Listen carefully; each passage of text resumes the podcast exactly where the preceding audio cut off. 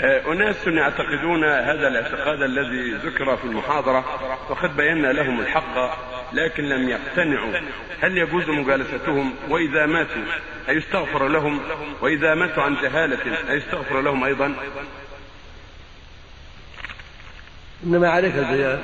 المؤمن والعالم طالب العلم عليه البيان والدعوة إلى الله والإرشاد والتوجيه. أما كون المدعو يقبل ويرضى ويهتدي هذا إلى الله سبحانه وتعالى. يقول الله عز وجل ليس عليك هداهم ولكن الله يهدي من يشاء. وقال سبحانه وتعالى إنك لا تهدي من يخاطب النبي صلى الله عليه وسلم.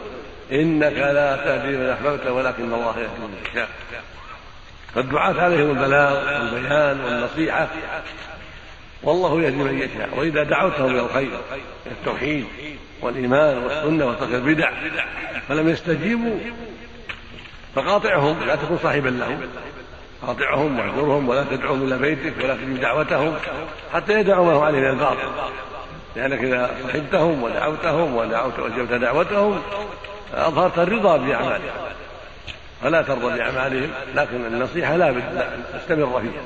النصيحة والدعوة توجيه. وإرسال من ترى أنهم يقدرون ترسله إليهم لعله يدعوهم إلى الله ولعلهم يستجيبون. نعم.